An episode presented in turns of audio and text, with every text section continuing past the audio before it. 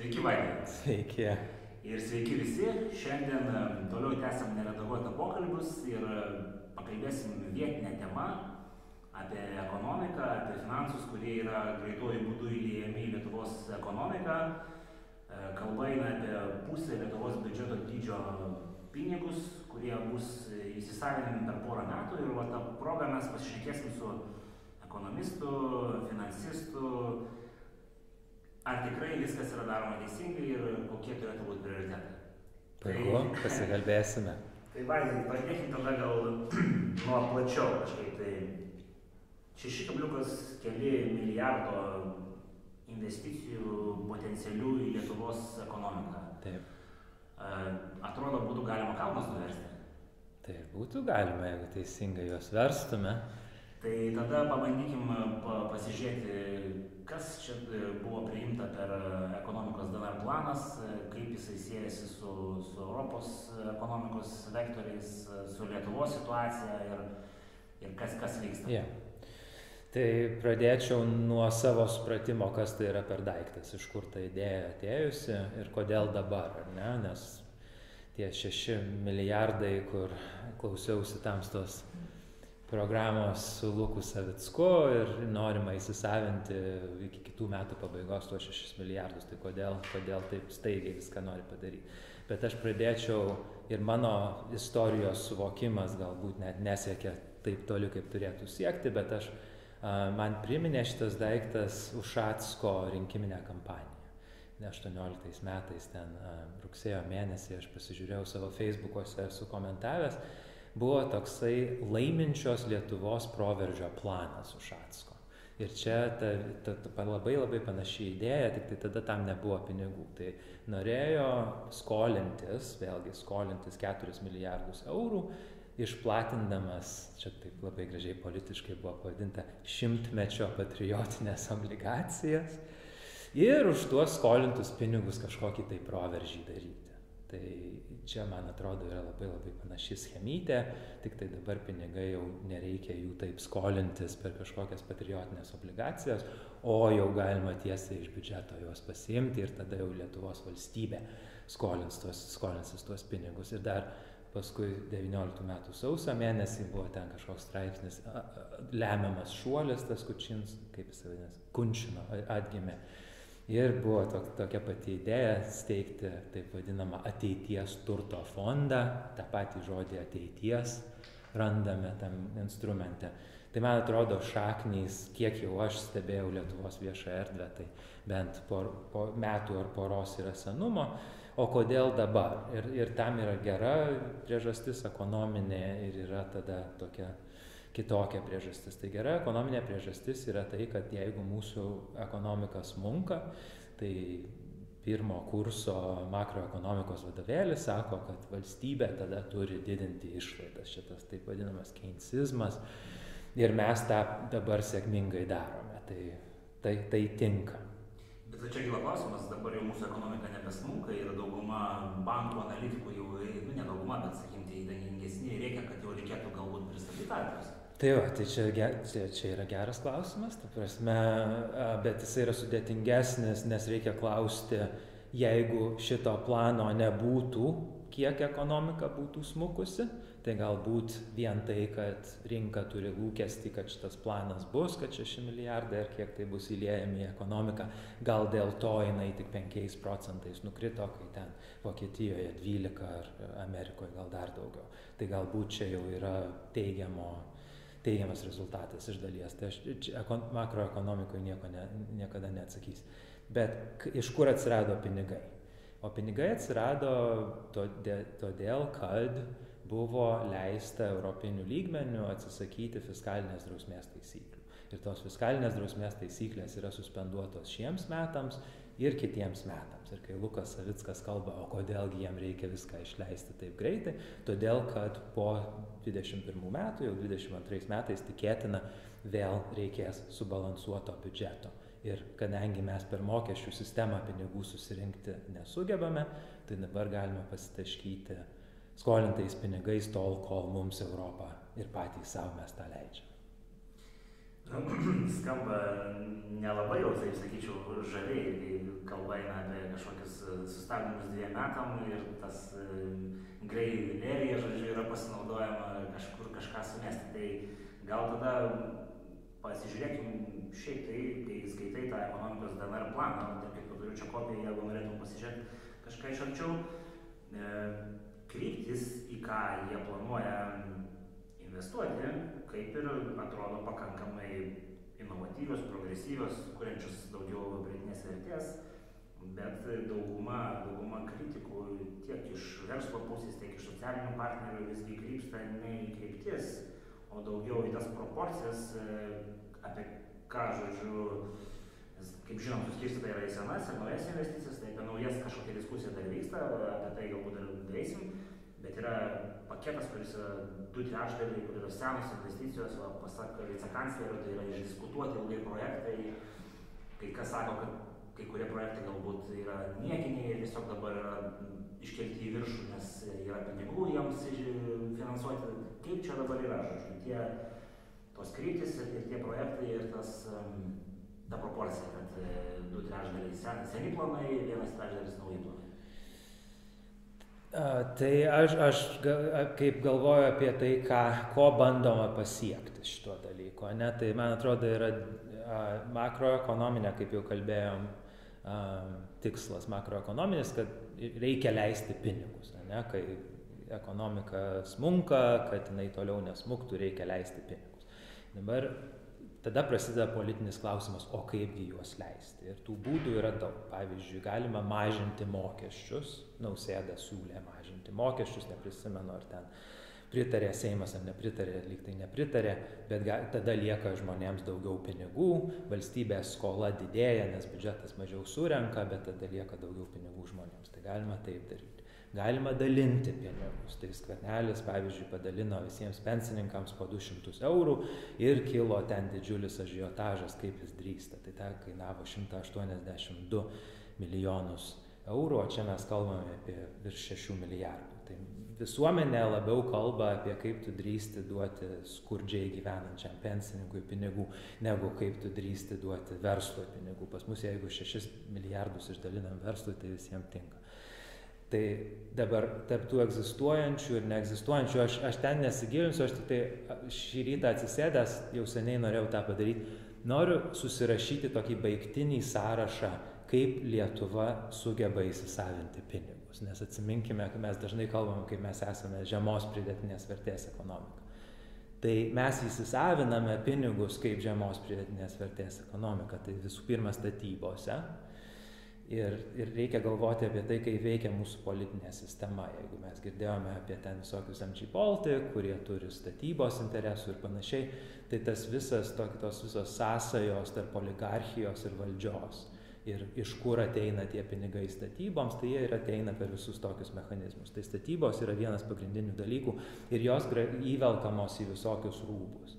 Ten, pavyzdžiui, mokslo slėniai yra statomi. Ne? Tai vietoj to, kad tu išugdytum naują kartą Lietuvos mokslininkų, kaip jau minėjau, mes nemėgstame žmonėms pinigų duoti, ten pensininkam ar mokslininkam, mes mėgstame juos duoti verslui, tai pasistatome mokslo slėnius, kurie ten tušti stovi. Paskui mes labai mėgstame rašyti strategijas. Tai yra Vilniuje turbūt daug visas luomas strategijų rašytojų, kurie per kažkokius tai tai vadinamus projektus ten studijas ir taip toliau įveikliname savo tą šviesuomenę, strategijas rašydami ir dėdami jas į stalčius. Moks, mokymus mes mėgstame daryti, ypač jeigu ten su maitinimu, su apgyvendinimu, su tušinukais, su bloknotėliais, per tą apgyvendinimą, maitinimą ir visą kitą mes mokame įsisavinti pinigus. Ir kai aš pažiūriu į tą ateities DNR, tas visas priemonės, tai aš to daug labai matau. Matau Aš čia pacituosiu keletą, čia ilgai nesiplėsiu, bet a, pasikvietė mane Lietuvos profesinių sąjungų konfederacija, aš su jais kartais pasišneku, jie mane į televizorių buvo nusiuntę, tai aš jiems labai esu dėkingas. Ir aš mačiau ten porą savaičių, kas vyksta tuose investicijų komitetuose. Ne? Tai kokios priemonės ten buvo svarstamos. Tarptautinės startuolių bendradarbystės akceleravimo ir prototipavimo centras. Mhm. Bendradarbystės centrų spiečių plėtra ir tikslinių verslo kompetencijų ugdymas. Paskui koncepcija eksporto konkurencingumo ir pridėtinės vertės didinimas. Studijų ir investicijų projektų parengimas naujosios kartos technologijų dėgymui. Tai dvi savaitės, ten kur kalbama apie kokios tos priemonės, ką veikia tie investiciniai komitetai, tai jie gauna kažkokius tai valstybės, vyriausybės paruoštukus apie va, tokias gražiai skambančias priemonės tuose investiciniuose komitetuose yra apie 50 žmonių ir jie turi 20 minučių išdiskutuoti tą priemonę ir tada jie balsuoja bendru sutarimu, kad tą priemonę priimti. Tai va maždaug ten toks yra, toks yra pinigų įsisavinimo schema. Aš nesakau, kad visi tie pinigai bus išvaistyti, bet man atrodo, kad čia labai nuo to, ką mes darydavome anksčiau, irgi nesiskiria. Jo, nu, viena mintis peršasi išgirdus tos pavadinimus, kad gal čia tik tai biurokratinė terminologija tokia sumauta, o iš tikrųjų ten yra kažkas vertingo, bet... Tai, ne, aš nesakau, kad ten nėra vertingo, aš tik tai... Skamba tikrai baugiai, e, tas ne tiek baugiai, kiek komiškai, kitą vertus paminėjot požiūrį į statybus, tarkim, Lietuvos verslo konfederacija labai verkia, kad per mažai bus duota keliam, vežėjom, jie kalba, kad turėtų būti verslas stebintis įsisavinimą, kaip Jūs manot apie tai? Um, tai aš nesuprantu, kokioje mes santvarkoje dabar gyvename. Ar mes kapitalizme, ar mes socializme vis dar. Nes aš, aš dar sugrįšiu prie, prie, prie mūsų ekonomikos ir inovacijų ministerija. Aš nežinau, čia gal finansų ministerija kūruoja. Bet iš esmės kai aš augau Vilniuje prieš daugel, daugel metų, ten prie KGB pastato yra toksai pastatas, kur dabar, kiek suprantu, yra ekonomikos ir inovacijų ministerija, kur buvo tas sovietinis GOS planas. Tai prie socializmo mes turėjome planinę ekonomiką, jinai tuo skyrėsi nuo kapitalizmo, kad tai buvo planinė ekonomika, o ne rinkos ekonomika. Ir nuspręsdavo, kur investuoti, ką daryti, nuspręsdavo GOS planas, o ne rinka.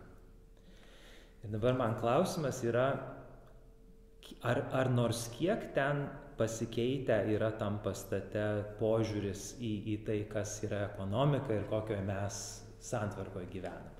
Nes ką aš matau, tai yra susėdę ten kažkokiu tai vaikučiu, kurie ten, man atrodo, daug mėgsta kalbėti apie investicijas, inovacijas, startuolius, ten dar visokius dalykus, kur taip gražiai skamba. Bet tie dalykai kapitalizme, jie vyksta privačiam sektoriui. Ta prasme, aš kai dirbau Amerikoje ten nemažoj, ne, nemažam skaičiuje įmonių, tai kapitalizmas juk yra toks šampeteris buvo, kur pavadino kuriančių naikinimu. Tai kiekviena įmonė, nauja įmonė atsiranda ir savo suranda kažkokią tai vietą po saulę, nes jinai kažką tai daro kitaip ir jinai kažkieno tai įmonę suvalgo. Jeigu, ypač jeigu ekonomika neauga, tai tada tas piragas yra fiksuotas ir tada jeigu tau sekasi, tai kažkam kitam nesiseka. Ne? Ir va tas yra kapitalizmas. Kapitalizmas yra inovacija. Tu atsidarai naują verslą ir tu kažką tai nukonkuruoji. Ne? O mes kuo užsiimame? Mes turime vaikučius susėdusius gos plane, kurie nutarė, kaip Brežnevas nutardavo prieš 40 metų ir kaip Kubilius norėjo prieš ten 10 ar 15 nutaręs buvo statyti atominę elektrinę, lygiai tas pats gosplaninis toks Brežnevinis. Ir tarp kitko, tamstos auditorijai, kuri rusiškai ne, nekalba, gosplanas tai nuo rusiškų žodžių gasudarstvenai plan, valstybinis planas. Ne? Tai va tas, tas mąstymas toks Brežnevinis, kubilinis, kad Kubilius žino geriau negu rinka. Savickas žino geriau negu rinka, kur tų pinigų reikia ir kas yra tos inovacijos ir panašiai. Tai va, man tas toksai sovietinis raugas ypač, ypač yra įdomus šitam. Bet čia pa, pa, paminėjai pats, kad 20 minučių skirta koncepcijai pam, pamastyti tose grupėse, komitetų dalyse, bet ar yra tenais proveržio grupės, kurios generuoja tos projektus, gal ten yra labai įsigilinę. tai va, sakė tau Savickas, pažadėjo, kiek prisimenu, kad išgaus iš finansų ministerijos sąrašą žmonių, kurie yra tose proveržio grupėse. Tai bus labai įdomu pamatyti, kas ten yra per žmonės tos proveržių grupės. Jeigu tiksliai, kai jis sakė, jis nežino, gal tai jau ta informacija yra vieša, bet aš kaip suprantu, visi kiti jos nerado. Tai aš, aš irgi jos nesu matęs. Bet, ne, bet tai čia irgi, man tie vaikučiai Kosplane, ką man primena vėlgi. Ir, ir tie visi pavadinimai. Aš daug esu investicijų srityje dirbęs, paskutinis darbdavys mano ten valdėme ir administravome 4 trilijonus dolerių savo klientų turto, ten San Franciske, kur dirbau.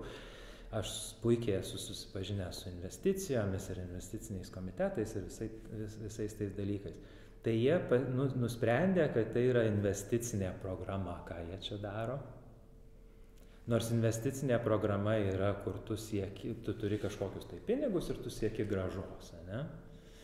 Tai dabar... Nu, jie kalba apie gražą, kad bus nuo vieno euro kabliukas aštuoni keli, ir prideda šapoką, kad nu, neaišku, ar tikrai, nes viskas priklauso nuo įgyvendinimo.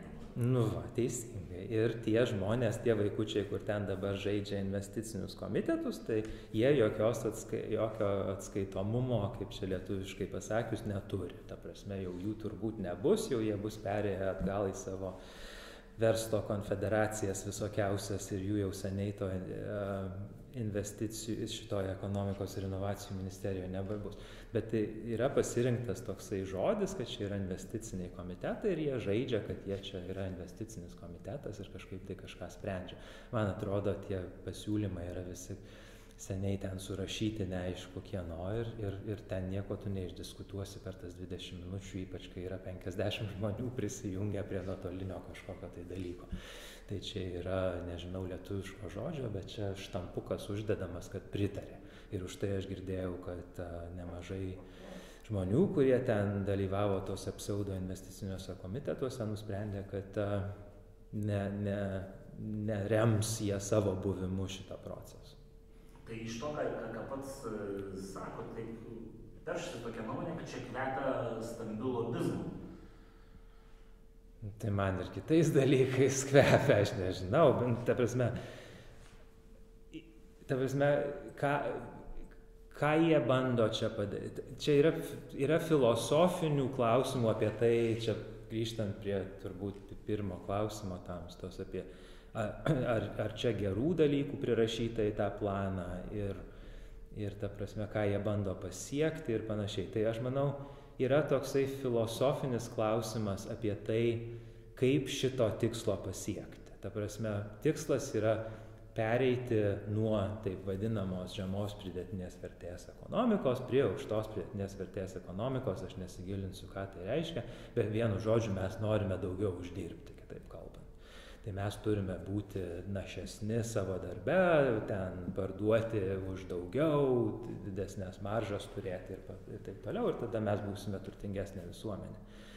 Ir dabar klausimas yra, o ko trūksta, kad mes taptume turtingesnė visuomenė. Va čia tas, tas klausimas, kiek aš matau, Lietuvoje nėra, nėra gvildenamas. Tai kai prieš pat, va šitam pastate mes dabar sėdime Mažvydo bibliotekoje ir prieš pat uždarimą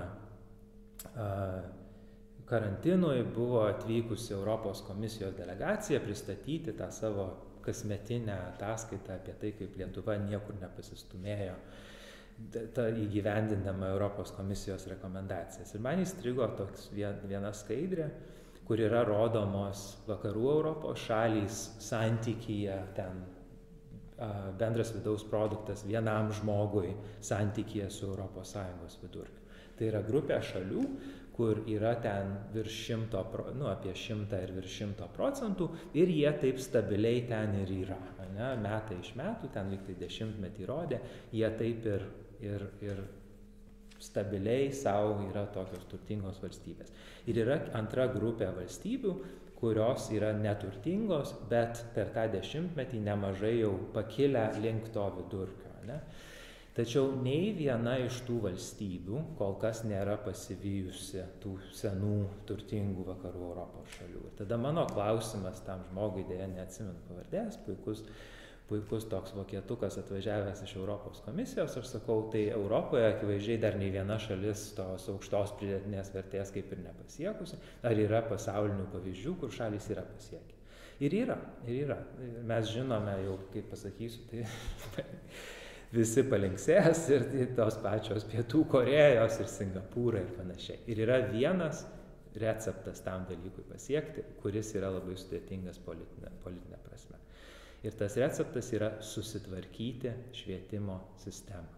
Ir kai mes čia dabar prieš porą savaičių turėjome trečdalį abiturientų Lietuvos, kurie neišlaikė ganėtinai elementaraus matematikos egzamino, ir mes žinome jau kaip visuomenė, kad mes rytamės atgal, tai žinome, kad mes tikrai nejudame tą kryptimį, kurią reikėtų, reikėtų judėti. Mes kalbame apie kažkokius tai ateities ekonomikos planus ir panašiai ir investuojame į bendradarbystės centrų spiečių plėtrą kai mes žinome, ta prasme, mums Europos komisija, aš savo ausimis šitam pastate girdėjau, kad vienintelis būdas pasiekti tą aukštą pridėtinę vertę yra investicijos į švietimą ir kad tai užims 20 metų kol mes tą aukštą pridėtinę vertę pasieksime. Nes dabar karta vaikučių, kurie yra darželiuose, juos nuo jų reikia pradėti, juos šviesti, lavinti gerose mokyklose, per tą laiką susitvarkyti savo universitetus ir panašiai.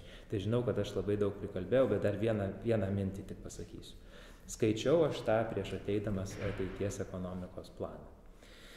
Ten iš tiesų yra tokia viena poskiltė, kuri vadinasi mokslinio potencialo didinimas.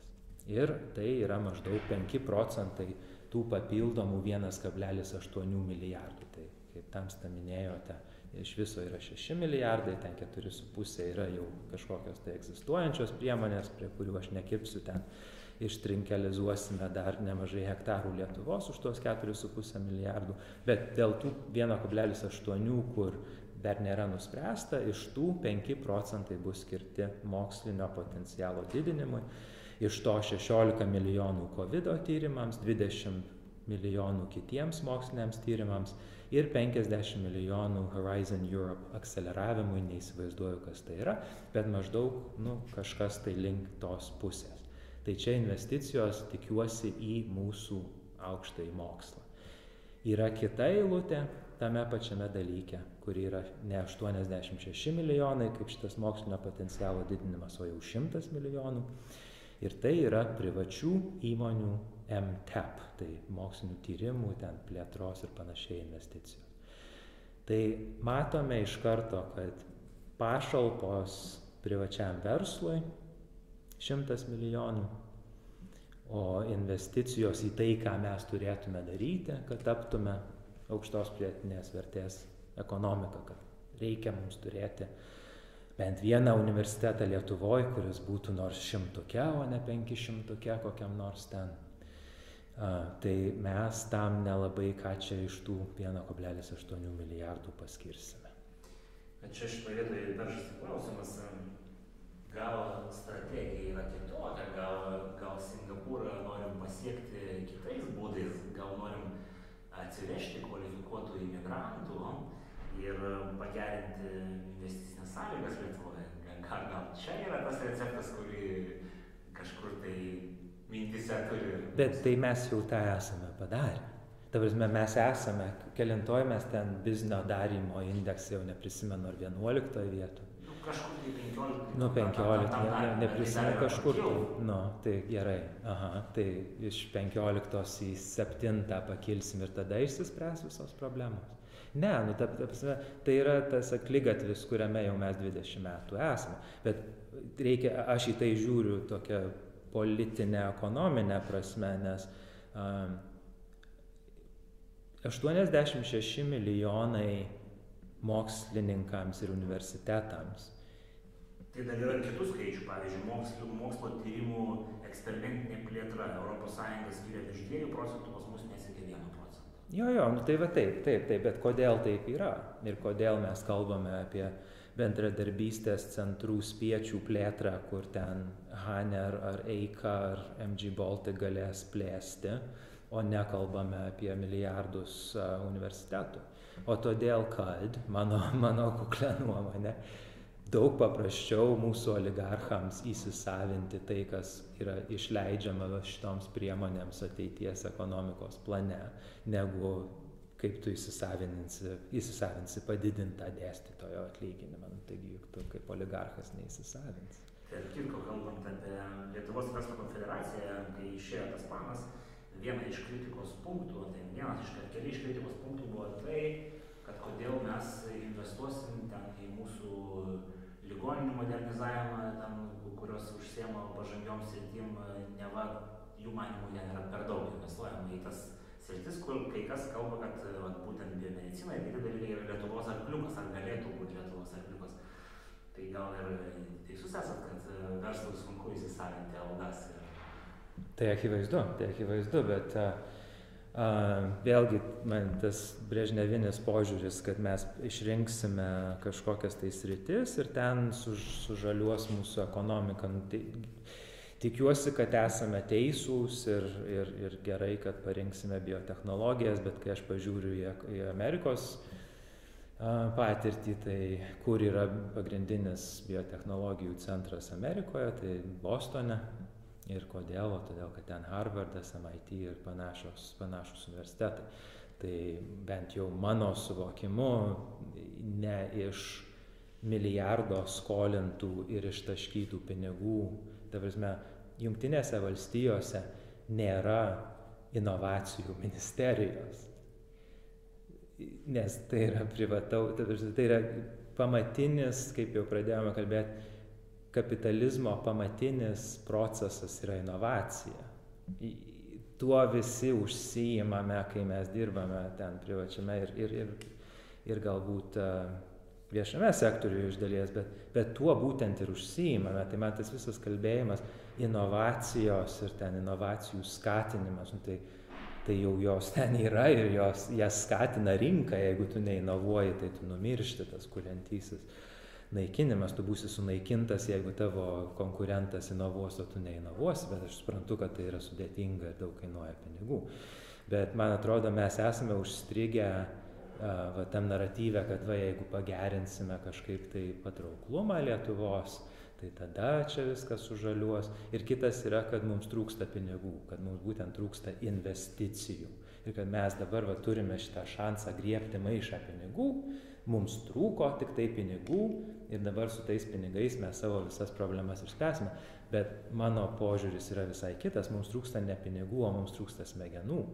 Jeigu tu turi smegenų, tai tu pinigų pritrauksi, patikėkit manimi, kai aš dirbau toj savo investicijų administravimo bei valdymo įmonėje su keturiais trilijonais, pažiūrėkime, kiek uždirba dabar obligacijos valstybinės. Neįgiama graža daugumoje atveju, bent jau, bent jau Europos valstybių. Tai neapsakomas kiekis pinigų ieško kažkokių tai investicinių galimybių. Pinigų yra tiek daug, kad jie patys save naikina per neigiamą gražą. Ne? Tai ne pinigų mums čia trūko, mums trūksta smegenų. Ir čia aš vėl palyginsiu Lietuvą ir Estiją. Ir ten, kiek jie turi vienaragių ir kiek, kiek mes jų turime, tai labai džiaugiamės ir turėtume, kad turime vieną. Ta prasme, vienaragis yra startuolis, kurį investuotojai vertina daugiau negu vienu milijardu dolerių. Ne? Tai pas mus yra toksai internetinis skudurynas, kuris yra vertinamas virš, virš vieno milijardo ir tai yra labai puiku, nes mes ne, esame nedidelė šalis, tai pas mus, kad ir vieną turėti, tai jau yra didelis pasiekimas. Estai, kurie yra daugiau nei per pus mažesni už mus, turi jų keturis. Ir jie yra visokie dalykai, kuriuos aš, pavyzdžiui, naudoju beveik kiekvieną dieną. Skype, Bolt buvo Taxify, TransferWise dabar naudoju, nes pinigėlius reikia atsisiųsti iš Ameriko. Ir dar kažkoks ten yra Playtech ar dar kažkas, tai ten lyg tai lažybų, online lažybų dalykas. Nu, tai jie turi keturis. Dabar, ar Talinas kažkuo tai išsiskiria kaip pasaulio finansų centras nuo Vilniaus? Nu juk ne. Aš galiu atsisėsti į lėktuvą, kai jie skraido, kai nėra COVID. -o ir būti šiandien dar būčiau, būčiau San Franciske. Jeigu aš turiu gerą idėją, tai ta visa infrastruktūra, jinai egzistuoja, kai mes kalbame apie globalizaciją, tai tas rizikos kapitalas yra puikiai, puikiai jisai yra globalizuotas. Bet jeigu tu nemoki kalbėti angliškai, arba kalbi kaip mūsų premjeras, arba boratas, arba dar kas nors, tai tu nelabai kaip ten tam silicio slėnyje pasirodysi. Bet dar blogiau, jeigu tu esi užsidaręs ir tu nesupranti pasaulio, tai prasme, kas, kas yra tos smegenys. Ne, ne, nesakau, kad mums ten integralus ar ten šaknis kažkokias reikia mokėti matematiką. Ir tą reikia mokėti, kad smegenys išsivystytų, bet reikia suvokti pasaulį, suprasti, kokie žmonės jame gyvena, nes inovacija, nes startuolis yra suradimas kažkokios tai nepatenkinto poreikio. Ir tada per savo vaizduotę ir visą kitą suradi, atradimas kažkokios tai naujos paslaugos arba prekės, kuri tą nepatenkintą poreikį patenkintų. Tai va šito trūksta Lietuvoje, nes pinigų tai daug. Sėskit į lėktuvus ir skriskit už labai nebrangiai. Už ten 500 eurų prieš COVID buvo galima pirmin atgal į tą San Franciską suskraidyti. Tai va čia kaip ir peršasi klausimas, kodėl tada mūsų, mūsų valdžia žaidžia socializmą ir pats vat paminėjot, kad 20 metų švietimas galėtų padaryti proveržį. 20 metų tai yra, tai yra penkios Seimo kadencijos. Taip, taip, taip. taip. Niekas nėra tikras, tai va. Tai. Tai bus valdžia iš tiek laiko, kad tai, raškit vaisius. Tai... Ja, tai čia yra, kodėl kodėl aš pasukau į politiką, už tai, kad bandyti kažkaip tą, tą dalyką sulaužyti. Nu, tikrai. Ir, ir nėra taip, kad viena valdžia, buvusi valdžia gali kažką tai pareigoti daryti. Ta prasme, neklėdėkime, kad kažkoks tai, gal čia amerikoniška teisinė nuostata, bet vienas kongresas kitam kongresui negali nurodyti, ką daryti. Ta prasme, negali pasakyti, kad per ateinančius 20 metų mes ten toliau įgyvendinsime Kubiliaus ir Steponavičiaus krepšelizaciją. Taip paprasčiausiai negali būti, negali suvaržyti ateinančių seimų. A, tai tą reikės pasiekti per kultūrą, per šviet, nu, švietimą, kuria prasme, susidarytų kažkokia tai mąstanti kritinė masė Lietuvo žmonių, kurie norėtų tą daryti. Ir, Ir aš nemanau, kad tai yra visiškai prarastas reikalas, nes jeigu aš pažiūriu, o kas gyvyko praeituoju tarpukariu, um, 18 metais, ne, kai mes išsikovojame nepriklausomybę praeitą kartą, tai jokių ten programų apie tai, kaip pakelsime mokytojo prestižą tuomet nereikėjo. Visuomenė suvokė, kad tam, kad ji gyventų kaip normali vakarietiška visuomenė, o ne baudžiavinis kažkoks tai Rusijos užkampis. Reikėjo ne bendradarbystės spiečių plėtros, o mokytojų, universitetai buvo, ten Vytauto didžiojo, aš nesu istorikas, tai tikriausiai nusišnekėsiu, bet ar ne tada buvo Vytauto didžiojo universitetas įsteigtas ir panašiai. Tai mes prieš šimtą metų mes, tie patys žmonės, mes šitą suvokėme. Ir tada klausimas yra, kas, kas yra su mumis atsitikę per sovietizmą, kuris nebuvo atsitikęs su mumis per Rusijos tą imperinį mūsų okupaciją, kuris dar ilgesnė buvo ta okupacija negu sovietizmas. Bet kas yra atsitikę per sovietizmą, kad mes nesuvokiame šitų elementarių dalykų, kad atvažiuoja Europos komisija, tą patį elementarų dalyką mums metai po metų sako, kurį mes supratome kaip visuomenė prieš šimtą metų, bet vietoj to mes lakstome su kažkokiais tai ateities ekonomikos DNR planais. Bet čia reiktų pastebėti, kad e, mokytojo prestižas daug kur pasaulyje yra pakritęs, e, toje pačioje Amerikoje e, tokia kaip ir yra nuostata, kad Taip. tu niekur nenueini, tu nueini į mokytojo darbą tas. Tai, ja. tai, tai, tai ir, ir, ir tai, jo, ir, ir um, Mano požiūris yra į visuomenės, kad jos yra neapsakomai atsparios. Visuomenę sudarkyti yra labai ilgo laiko ir, man atrodo, sovietmetis mus labai neblogai sudarkė, bet užėmė ganėtinai ilgai per sovietmetį mūsų sudarkyti. Tai Amerika dabar labai sėkmingai save darko, tačiau iki dar prieš COVID ir prieš šią administraciją dar Amerika buvo ganėtinai patraukli vieta atvažiuoti ir mokytis ir dirbti. Aš, aš tą dariau, ta prasme, dabar aš to nedaryčiau ir čia kitai laidai, laidai tema būtų, bet aš tą dariau, aš baigiau vidurinę mokyklą, bakalauro laipsnį, du magistrus ir dirbau ilgai Amerikoje ir sakau, kad ten yra labai puikia sistema tiek inovacijoms, tiek švietimo ir aukštojo mokslo ir panašiai, tačiau jinai byra.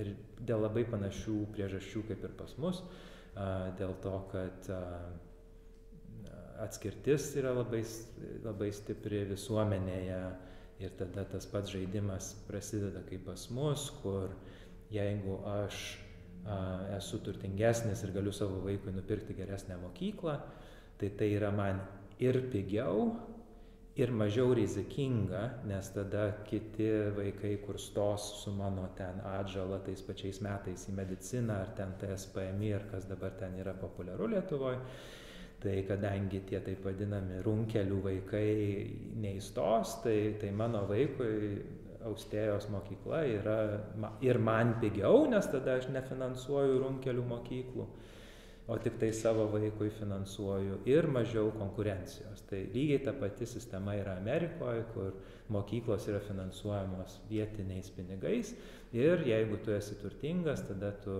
arba į privačią mokyklą siunti, arba geroj vietoje gyveni, kur yra geros a, mokyklos. Tai mes labai puikiai tą, tą, tą įrančią tokią švietimo sistemą esame nusikopijavę. Nu, čia aišku, norėtų, norėtųsi pasakyti, kad aš nepritariu, kad e, tame tarpe per praėjusias dvi Obamos kadencijas Amerikoje buvo aukso amžius. Ne, ne, ne, ne, aš nesakau, ne, ne, ne, ne, čia, čia kalbama, čia apie epochas kalbama visai kitas, čia buvo ten po, po didžiosios depresijos, ten tas New Deal, Aš tiesiog replikuoju, kodėl aš tai pasakiau, nes jo, jo, jo, ne. iki šios administracijos dar buvo kaip ir... Ne, ne, ne, ne, ne, aš tai patikslinsiu tada, apie ką aš kalbu. Dabar užsieniečiui yra labai nepatrauklu bandyti važiuoti į Ameriką. Jų modelis yra galbūt tas lygiai lietuviškas, nu, mes, mes turime tą panašaus dydžio biudžetą kaip amerikonai, tik tai mes iš jo labai labai daug daugiau tikimės, nes ten aš pats mokėjau už savo sveikatos draudimą, o čia atseit valstybė tau ir švietimą, ir aukštąjį mokslą, ten viską pats mokė, o čia, o čia mes apsimetam, kad valstybė sumoka. Bet sistema yra labai labai panaši ir um, jų ta turbūt, kodėl jinai ta sistema toliau ten važiuoja ir kaip aš tą žalę kortą gavau, kaip kažkoks tai talentingas užsienietis.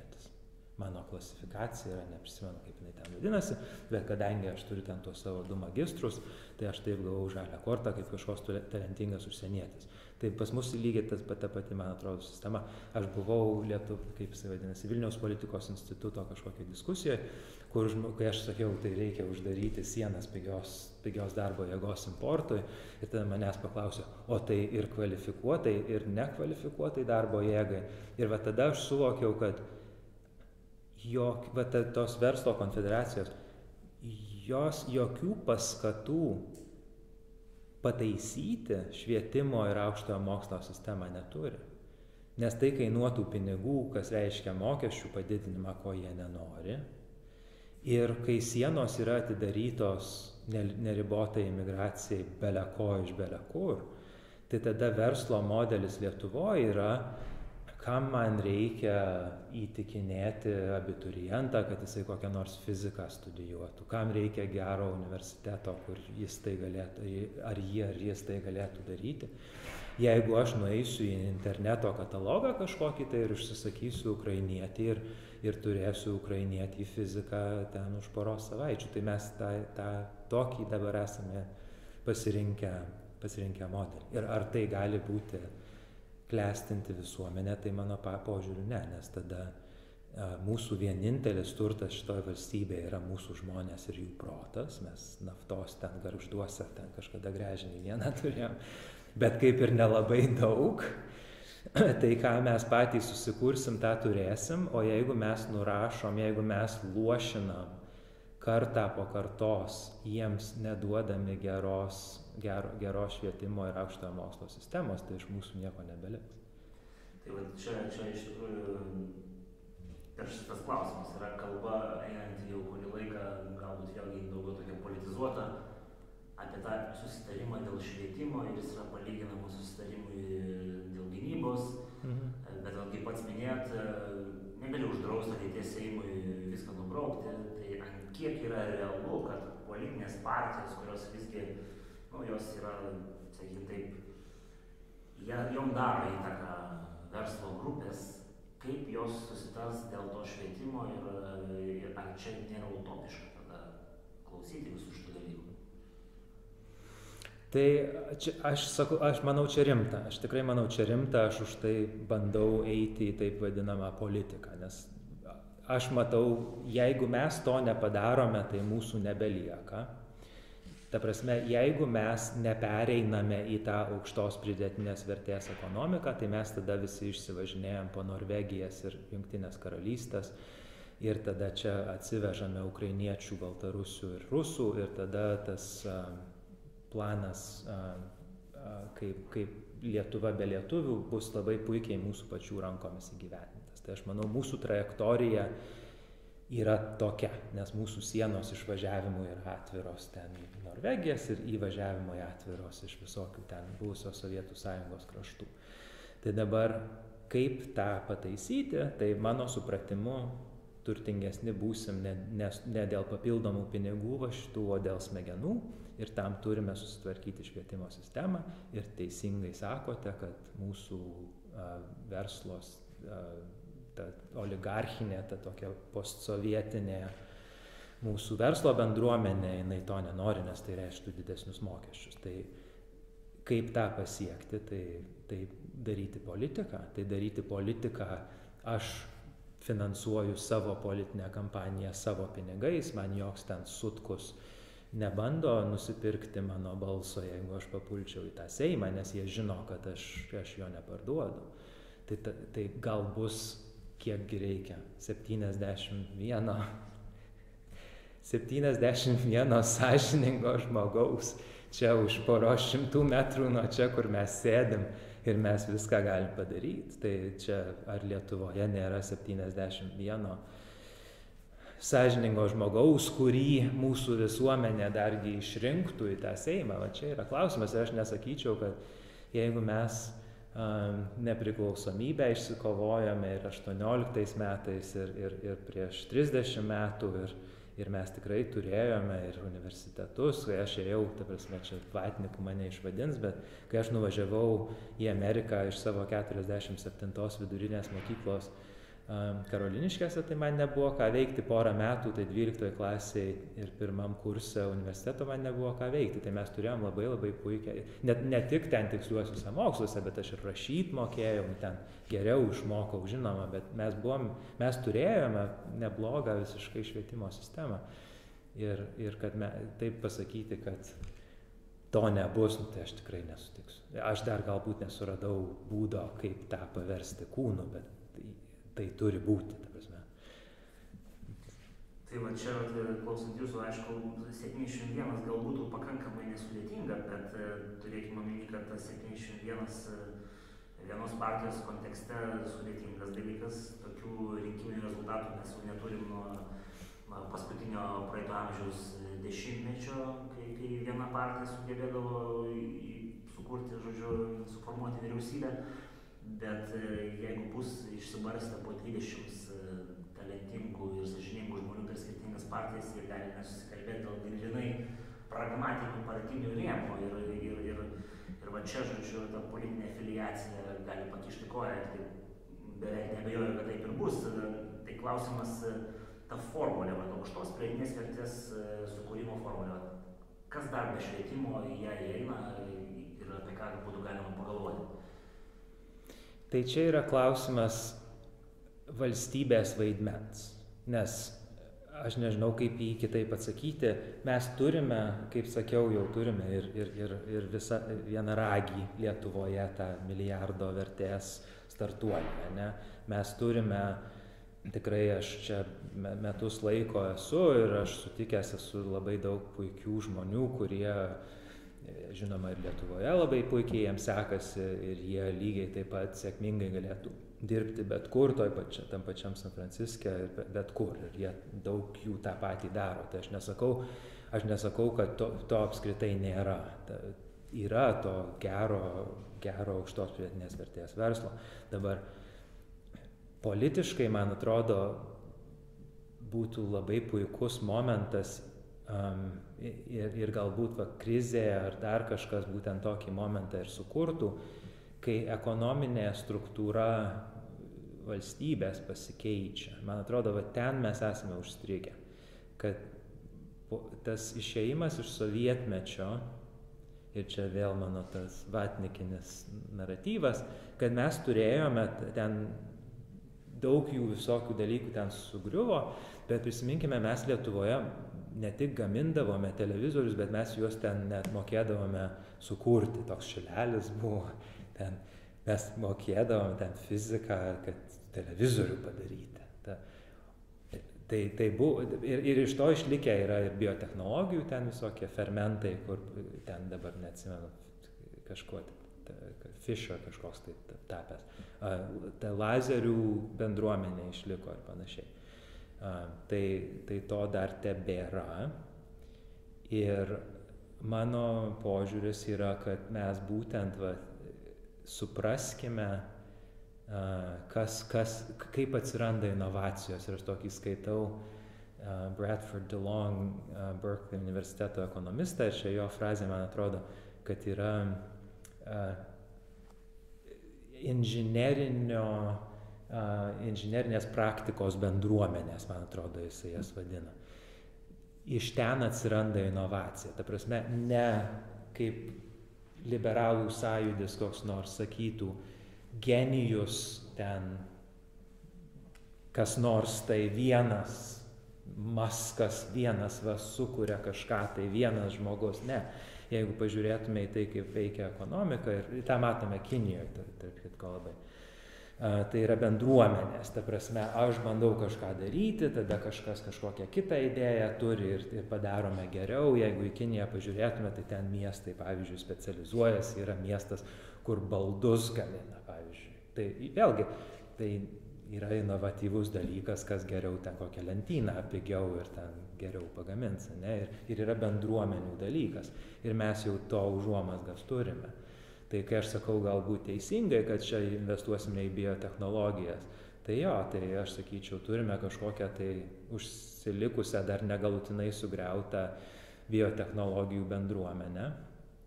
Galbūt dar yra universitetuose likę kažkiek tai ir tyriejų, ir dėstytojų, kurie tą bendruomenę gali toliau renkti tam darbui.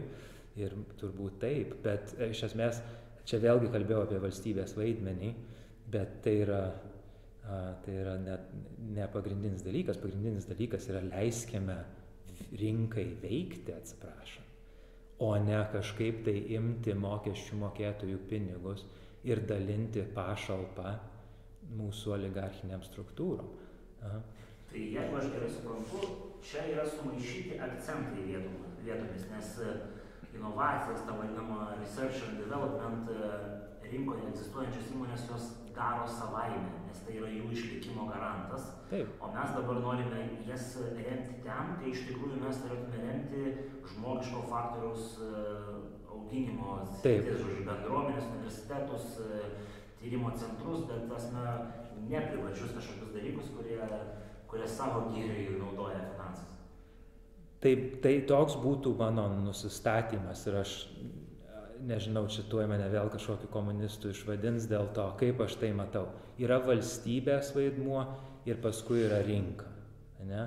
Dabar rinka turi problemų, apie kurias mes nekalbėsime, ten monopoliai visokie, tarša ir panašiai. Tai ta rinka vieną palikus nelabai ten gerai gyvensi, tai todėl turime kažkokių dalykų, kurie tą rinką reguliuoja.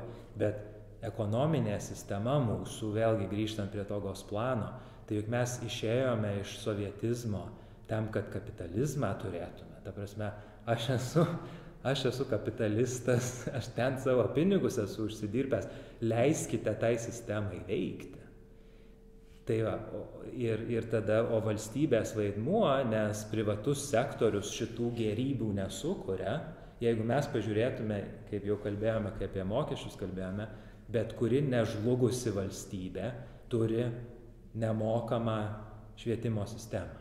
Nes jeigu tėveliai turės mokėti, kad vaiką nusiųsti į pirmą, antrą, trečią klasę, tai tada ir bus vaikų, kurių tėveliai to ne, negalės padaryti ir tada visa visuomenė praranda, nes tie, tie talentai tų vaikučių, kurie būtų ten išmokyti ir gal būtų genijais ir maskais visokiais tapę, tai jie bus prarasti, ką aš sakau, suluošinimas Lietuvos vaikų, mes tą labai, labai sėkmingai darom. Tai ten yra valstybės vaidmuo, mes turime tokius dalykus daryti, bet man, man aš nežinau, kaip laisvos, gal aš čia kažkoks liberalas, bet man valdiškų pinigų, va tas milijonas, šimt, atsiprašau, šimtas milijonų, ir čia jokios kontroversijos Lietuvoje dėl to nekyla, privačių įmonių moksliniams tyrimams. Tai yra pašalpos. Jeigu čia būtų investicinis komitetas, ne, tai tas mechanizmas yra, kai aš sakau, sėskite į lėktuvą ir šiandien būsite San Franciske, tai tas mechanizmas yra, tai vadinasi rizikos kapitalas. Ir, ir tas, ta bendruomenė, jinai tą sanitaro vaidmenį atlieka. Ne kažkokie tai 150 kažkokių tai žmonių susodinti per 20 minučių turi nuspręsti ar mesti šitą 100 milijonų. Ten yra žmonės, kurių darbas yra tą rizikos kapitalą atrinkti, į ką investuoti. Bet tada mūsų tas verslelis lietuviškas tie baratai mūsų, kur net anglų kalbos nelabai mano, išmano, tai jie to kapitalistinio rizikos kapitalo jie nelabai gaus. Jiems daug paprasčiau yra per visokius ten pakomitečius, vyriausybės visokias ten prastumti šimtą milijonų valdiškų pinigų ir juos pasiimti. Tai aš suprantu, kad tai jiems yra daug paprasčiau. Bet ar valstybės vaidmuo yra dalinti pašalpas verslui, tai aš nežinau, kuo reikia būti, kad sakytum taip. Būtinai turi valstybė dalinti valdiškus pinigus be jokių įsipareigojimų. Prasme, gerai, paimkim tą šimtą milijonų ir padarykime rizikos kapitalo fondą. Juk um, Lietuvos bankas ten bandė kažką, tai Jurgilas kažką tai tokio bandė ten užkurti pa, pa, paskutinio šanso kažkokį tai fondą, jeigu tu esi stambus verslas ir tau dėl COVID ar dėl kažko trūksta pinigų, gerai, ateik, parduokit obligacijų, mes tau duosim tų pinigų, tada tas obligacijas išsipirks ir mokesčių mokėtojas atgauna pinigus. Tai yra tokių schemų visokiausių. Tai turi, mano nuomonė, būti privatus sektorius, kuris tai darytų, nes mes kapitalizme lyg tai gyvename, o ne socializme.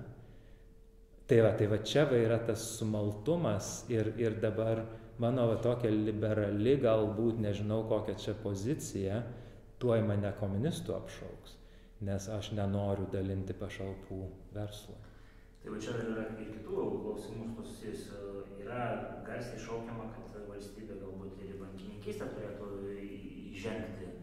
Kaip va jūsų, kaip e, socialdemokratiškų vertybių atstovo nuomonė. Tai vėlgi grįžtame prie rinkos ir prie problemų ar ne problemų su rinka. Ne?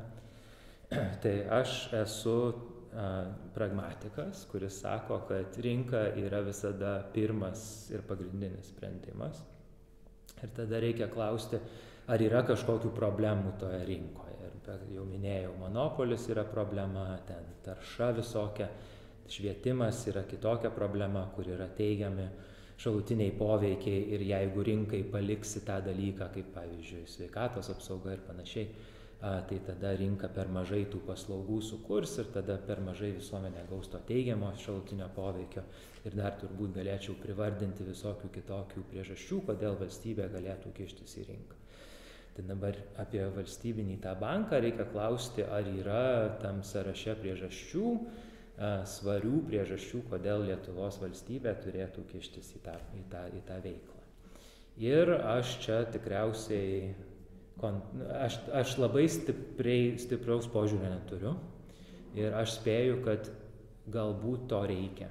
Ne, ir aš dabar žiūriu į, aš ten straipsnelį kažkokį esu nesiniai parašęs, bet Vokietijoje nuo pat antrojo pasaulinio karo veikia valsty, toksai valstybinis plėtros bankas jisai ganėtinai, ganėtinai efektyviai veikia, jisai nėra nuostolingas ir jo, jo misija yra ne pelno maksimizavimas, o būtent visokie ten infrastruktūros finansavimo, visokie ten socialiniai tikslai ir panašiai. Dabar, pavyzdžiui, būtų ir yra ten Vokietijoje žaliosios tos ekonomikos finansavimo tikslai ir panašiai. Tai aš sakyčiau, valstybė gali turėti uždavinių, galbūt kur aš esu socialdemokratas. Aš, aš, man, aš manau, kad mes turime turėti stiprią valstybę. Ar tai būtų gynyba, ar tai būtų ekonomika, ar tai būtų nežinau kuris rytis, bet mes turime turėti stiprią valstybę stipri valstybė turi, turi, turi turėti priemonės pasiekti savo tikslų. Jeigu tas tikslas yra apginti šitos šalies nepriklausomybę, tada jinai turi būti stipri valstybė su stiprio, stipriomis ginkluotomis pajėgomis ir panašiai. Jeigu tai yra valstybė, kuri turi ekonominių tikslų, aš tikiu, kad valstybė turi turėti mechanizmų tuos savo tikslus pasiekti ir jeigu jinai negali tų tikslų pasiekti per dabartinę mūsų bankinę sistemą, tai tada reikia kažkokio kito mechanizmo ir kopijuočiau tą valstybinį banką Vokietijoje. Dabar, kur yra mano nuogastavimas visame šitame? Valygiai tai, apie ką mes kalbame. Kad čia vėl atsis, atsi, gali atsirišti naujas pinigų maišas, kur lygiai tos pačios konfederacijos forumai, ten visokie plauko ten veikėjai, gali sugužėti ir daryti spaudimą lygiai taip pat, kaip jie sėkmingai, čia jau net nespaudimas, čia jau jie tas savo proveržio grupės esą, yra tikriausiai patys susiformavę ir visus tos pasiūlymus yra surašę į planą, čia jau net nespaudimas, čia yra jau višta toj vištidėje jau tvarka yra pasidariusi. Tai aš bijau, kad nebūtų panašiai su tuo valstybiniu banku. Ir todėl aš tikiu, kad yra bent jau Lietuvoje, kai aš galvoju, kaip viduramžiais būdavo um, vienuolynai, kur ten kažkokia tai ruseno dar istorijos suvokimo ir mąstymo dvasia ir, ir, ir menas ir mokslas ir dar kažkas, tai taip per, per tuos juoduosius laikotarpius uh, išsilaikė kultūra ir mokslas, bet kažkokiuose tai vienuolynuose. Tai manau, kad Lietuvoje irgi yra tokių vienuolynų ir tarp jų aš manau yra Lietuvos bankas. Ir aš, aš labai tikiuosi, kad ten tikrai yra valstybingumo dvasia ir, ir, ir, ir etiškų, vedamų ir etiškų ir moraliai stiprių žmonių, nes Lietuvos banko užduotis bus prižiūrėti, kas, kas iš šito daikto, nu, tai iš to valstybinio banko, kas ten išeis. Ir aš tikiu, kad ten mes turime žmonių, kurie yra etiški ir, ir darys tai, ką reikia daryti, kad tai nevirstų dar vienu ateities ekonomikos planu šeriklėlę. E, nu, tas tikėjimas, yra ten daug posūkių apie tikėjimą, čia gal parodys laikas, tai kaip suprantu, iš principo reikėtų duoti rinkai veikti ten, kur jinai turi veikti, o prižiūrėti ją ten, kur valstybės prerogatyva yra, tas neprižiūrėti, kad neįsivyrautų. Jis... Bet tai čia aš manau yra šimto metų senumo įžvalga, kur aš nežinau, Lietuvoje tikriausiai kontroversiška. Ir, ir dar grįžtant prie pačios pradžios, ir, ir turi makroekonominio stabilizavimo vaidmenį valstybė. Ta prasme, kai įvyksta kažkokia krizė ir privati veikla lėtėja, tai tada, kaip kalbėjome, kodėl mes kalbame apie šitus 6 milijardus, kodėl Europa atlaisvino tas fiskalinės drausmės taisyklės ir taip toliau, už tai, kad visi supranta, galbūt ne Lietuvoje, bet supranta, jog ir net ES dabar, kur per praeitą krizę nelabai suprato, bet mes suprantame, kad valstybė turi vaidmenį, jeigu ekonomika krenta, tai tada yra valstybė kaip lietuviškai spender of last resort, tai paskutinio šanso pinigų išleidėja yra valstybė ir mes lygiai tą matome. Tai aš tą, ką, šito mechanizmo, ar, ar, ar kad jo reikia, kad reikia leisti tuos pinigus, tai aš, aš sutinku, aš tik, tai, aš tik tai galvoju, kad jeigu mes išleisime ten tuos šešis ar ten papildomus 1,8 milijardo, nu, tai išleiskime tam, kam reikia, o ne pašalpai, pašalpoms konfederacininkams. Tai pabaigai dar keletą klausimų. Vienas iš tokių, tai galbūt pažiūrėkime tada į Europą. Ar yra Europoje tokių pavyzdžių, pagal ką mes galėtume modeliuoti Lietuvą ir, ir, ir, ir kas, kas jie būtų? aš turiu omeny santvarką ekonominė ir akcentai tam tikri. Buvo čia toks planas e, tos pačios Tevinės sąjungos modeliuoti Lietuvą pagal Airijos modelį. Pradėką kalbėjom, kad mes nelabai matyt galim modeliuoti dėl priežasčių, kurias pats išdėstai, bet ar, ar yra kažkokia tokia, sakykime, taip, e, sėkmės istorija, kurią mes galėtume klonuoti patobulinimais Lietuvoje? Tai aš kaip pažiūriu į vakarų Europą, tai aš ten matau veikiančius socialinius, ekonominius modelius ir mums paprasčiausiai bet kurį iš jų reikėtų nusirašyti. Prasme, mes, mano supratimu, tebe turime gos planą, mes tebe turime kažkokį tai sovietinio stiliaus valstybinių pašalpų ale privačiam verslui dalinimo sistemą. Ta prasme, mes paprasčiausiai pasiimkime, ta prasme, paimkime Europos žemėlapį, užsimerkę, durkime kažkur tai vakarų Europą, nu ten nežinau, į ką pataikysim ir nusirašykime. Tikrai, tikrai, aš, kur aš linkiu.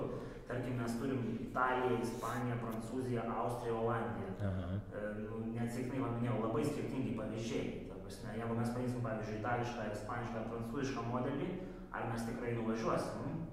Gal mums reikia austriško, olandiško arba nežinau, ten skandinaviško, nes ne visi jie šiek tiek skirtingi. Ne, nu bet tai kur mes esame užstrigę, ta prasme, kalbame, kokio, prasme, ar noriu ledų, ar noriu ten šokoladuko ir tada mes čia ginčijamės, ar mes kokio ten vanilinių plombyrų ar šokoladinių ledų. Mes, mums reikia nuspręsti, ar mes norim ledų, ar mes norim šokoladuko. Aš sakau, mes norim ledų. Prasme, socialinis ekonominis modelis. Mūsų biudžetas yra trečdaliu per mažas. Jeigu mes suvokiame, kad valstybės klestėjimas priklauso nuo švietimo ir aukšto mokslo. Ta prasme, aš nežinau nei vienos partijos, kuri, ne, kuri sakytų, kad ne, gal darbo nežinau. Ne, tai matytus, bet pavyzdžiui, labai paradoksalu, tarkim, kokie be, bet, Laisvės partija sako, kad e, mokesčiai maži, bet švietimą reformuokim. Tai vat, man kyla klausimas. Ne, nu tai, bet tai mes tą 20 metų jau turime, ta prasme, nes jeigu visi yra įtikėję, kad padidinsi biudžetą sumažinęs mokesčius. Bet tai visi tuo tiki. Nu, ta prasme, kalba apie pirago augimą. Jo, jo, nu, aha, bet aš kalbu ne apie tai. Čia tai galbūt mes matematikos jau antiek nemokame, atsiprašau, čia nelietuviškai tikriausiai. Bet mes taip nesuprantame, apie ką kalbame. Tai taip, mes kalbame apie tai, jog vakarų Europoje, taip, ta prasme, Europos Sąjungos vidurkis yra, kad biudžetas yra 40 procentų ekonomikos. Lietuvoje yra 30 mūsų gerbiamas jo ekscelencija prezidentas Nausėda yra pasakęs, kad sieksime 35. Mes net nesieksime ledų, mes ten net, net nesieksime to. Mes pusiaukelės sieksime iki ledų. Ir aš nematau nei vienos partijos išskyrus maniškę, kur aš ten rašiau su Rasa Budbergytė atsisėdę rašėme mokestinę dalį konservatoriai pasakė, kad mes tyčia apie mokesčius net nekalbėsime. Ir tada, kai aš paklausau ten su Majausku, buvau jau jau dienos temų, ten kaip jinai vadinasi, Delfi dienoje, tai vėlgi tas, jo, nedidinsime mokesčių, mažesni mokesčiai, didesnis biudžetas. Tai mes esame, ta prasme, ne, nu, pas, žmonės, supraskime, tai jeigu jūs sakote, paauks piragas sumažinus mokesčius, tai jūs vis tiek tą santykį dar perskaičiuokit. Tai tada mokesčiai sumažėja, pyragas padidėja, tai ar padidėja biudžetas santykyje su um, ekonomika ar sumažėja. Tai jūs sakote, mažinkime mokesčius ir dar labiau mažinkime tą santykį biudžeto su, su ekonomika. Tai mes toliau eikime link Rusijos ekonominę prasme ir toliau nuo vakarų Europos. Ta prasme, aš nežinau, kaip prasilaužti, man tikriausiai jau nepavyks Lietuvoje. Bet kaip žmonėms pasakyti, ne, ta prasme, tos visuomenės yra turtingos, todėl kad jos investuoja į savo tuos vaikus.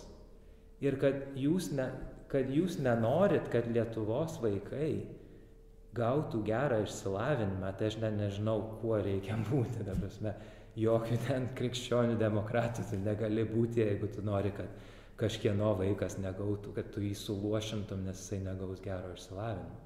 Tai va ten mes užstrigę esame. Tai aš ne, nesvarbu, ar ten 40 procentų kaip kokiai Airijoje, ar ten 50 procentų kaip Prancūzijoje, mums dar iki ten toli toli, mums trečdalių, trečdalių reikia pasididinti biudžetą, kad mes nors ten tą vidurkį pasiektų. Tai va šitas yra, va tas yra ne. Ir, ir dabar atsirado pinigų, nes jų mes galėjom skolintis. Jų vėlgi nebus 22 metais, kai šitos drausmės, fiskalinės drausmės taisyklės vėl įsijungs, tai tų pinigų vėl nebebus. Tai Tai pačiai pabaigai tada jau paklausiu, nes čia iš tikrųjų pakankamai dramatiška, bet man kad e, kažkaip pabaigtume tokios e, pozityvios. Vaidas Navickas, kaip, kaip jisai išleistų 6,3 milijardą? Aš nežinau, ar Vaidas Navickas 6,3 leistų, nes man atrodo 6,3 per pusantrų metų išleisti gerai yra beveik neįmanoma.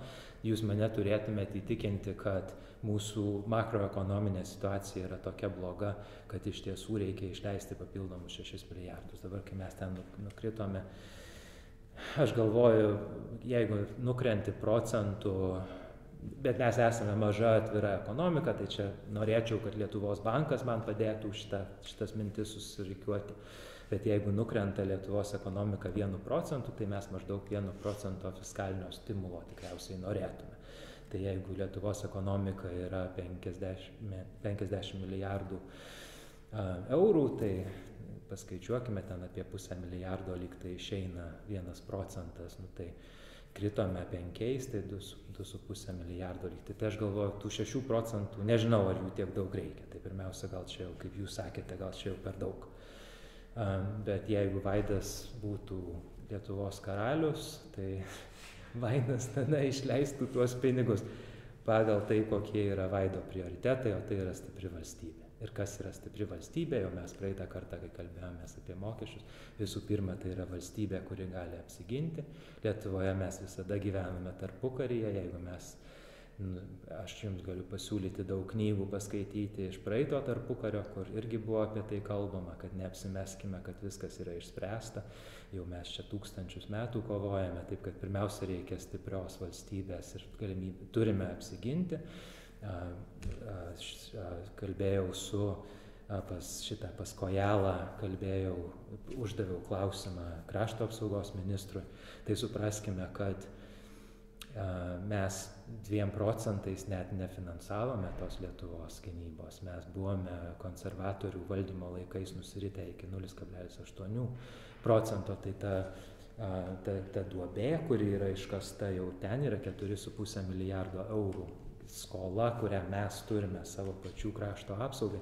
Ir tų 2 procentų, patikėkit, tikrai mums neužtenka, čia reikia kitą turėti diskusiją apie tai, o ka, kaip Lietuva galėtų apsiginti. Tai aš sakyčiau, imam ten ir dedam, kur reikia. Tai pirmiausia, kad valstybė išliktų ir antra, kad valstybė turėtų ateitį. Tai mes kalbėjome apie ateitį teisingai, čia apie ateitį, ateities ekonomikos DNR planas, teisingai apie ateitį, tam reikia švietimo sistemos labiausiai. Tai aš dėčiau, nežinau, milijardą ir gaučiau Lietuvai galbūt top šimto pasaulio universitetą ir pasilikčiau kitą pusę milijardo ir įdėčiau į krašto apsaugą, nes ten mes esame atsilikę 4,5 milijardų. Tai dabar mane nuskalpuos mano politiniai draugai ir priešai. Bet. Nu, tikėkime, politiniai draugai ir sąjungininkai išgirs ir priims, kaip sakoma, konstruktyvę kritiką. Tai ką, tai dėkui Vaidai, kad nepasididžiavot ir, ir atėjot papasakot tai, kas turėtų būti svarbu kiekvienam mąstančiam rinkėjui. Nu ir tikiuosi ne paskutinį kartą. Tai žinau.